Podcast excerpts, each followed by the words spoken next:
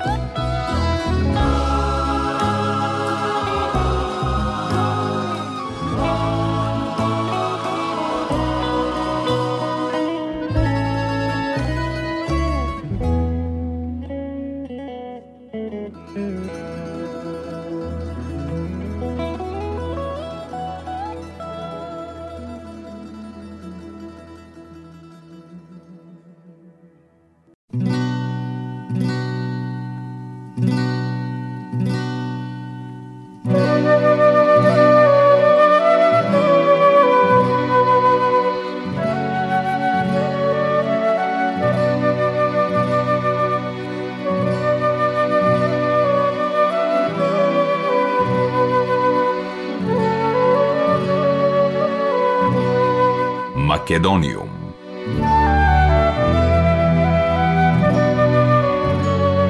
Добар ден и добре дојдовте во најновото издание на емисијата Македониум.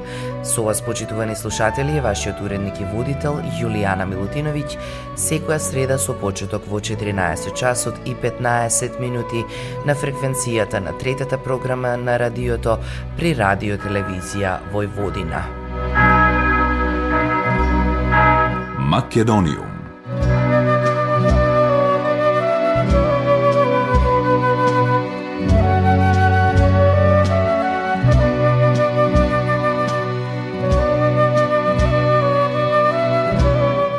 Денеска во емисијата Македониум ќе посветиме време и многу музика на символот на македонскиот фолклор, традиција и култура, повеќе од 7 децении, културниот амбасадор кој несебично ја презентира и споделува богатата македонска традиција во земјата и во светот. Се работи за ансамблот Танец, кој представува подвижна енциклопедија на македонскиот народ.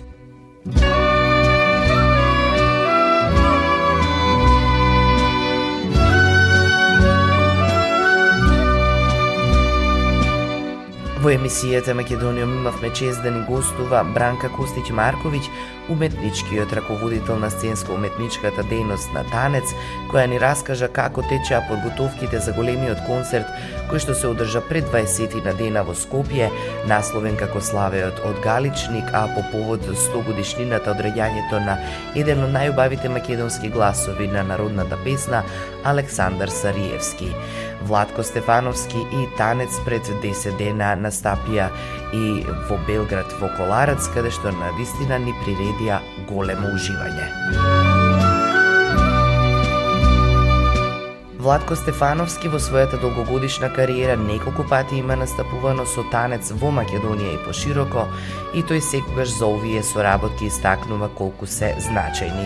Од пред една година соработката на танец и Владко Стефановски се појави конечно и во форма на концертен DVD албум после сите досегашни заеднички настапи.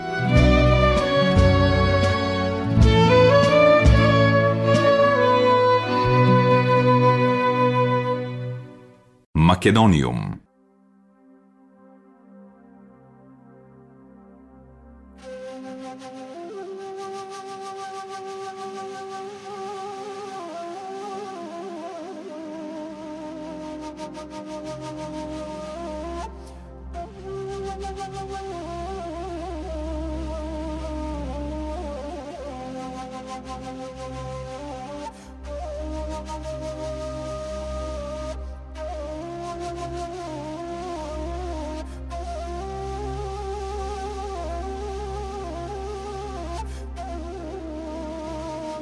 Whoa, whoa.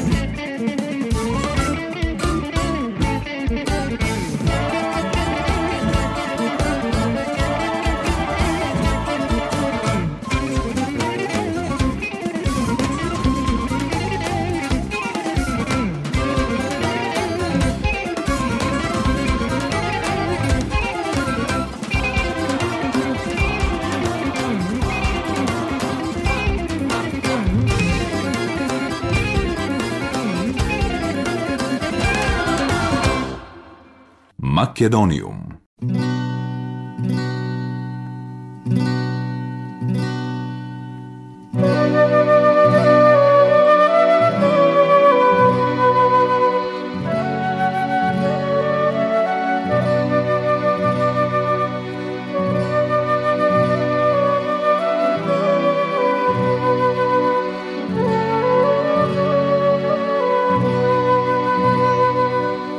За последниот проект на Танец и Владко Стефановски направени се нови аранжмани на Дамир и Мери, преработени се антологиските Ора Пелистерско, Касапско оро со кое што беше започнат концертот во Коларец, Ситна лиса поступано Калајджиско, Пајдушко и Елено Ќерко и Јано Мори Севдалино. Во денешното издание на емисијата Македониум слушаме дел токму од овие нови изведби.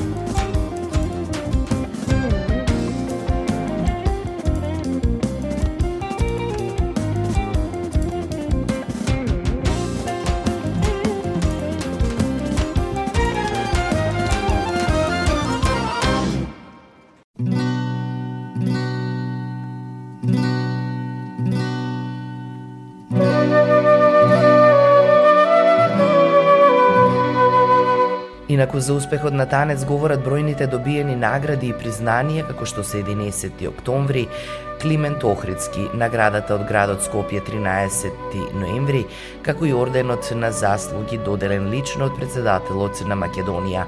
Танец има учествувано на над 4500 концерти и подиуми во земјата и во светот пред околу 8 милиони гледачи. Репертуарот на танец го сочинуваат најубавите игри, песни и оркестарски македонски дела.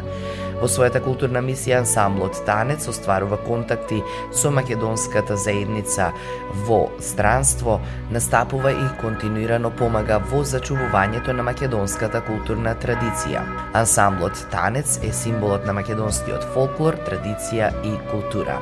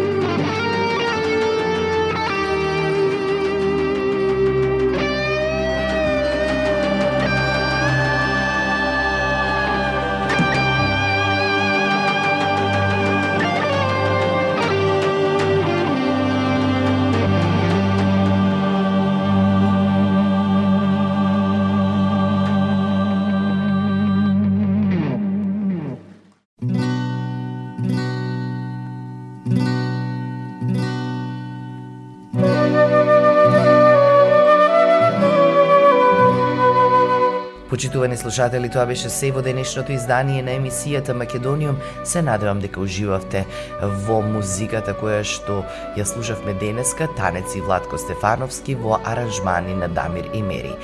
Поздрав од Јулијана Милутиновиќ до следната среда во исто време. Ја следевте програмата на македонски јазик, емисија Македониум. Главен и одговорен уредник Воин Поповиќ.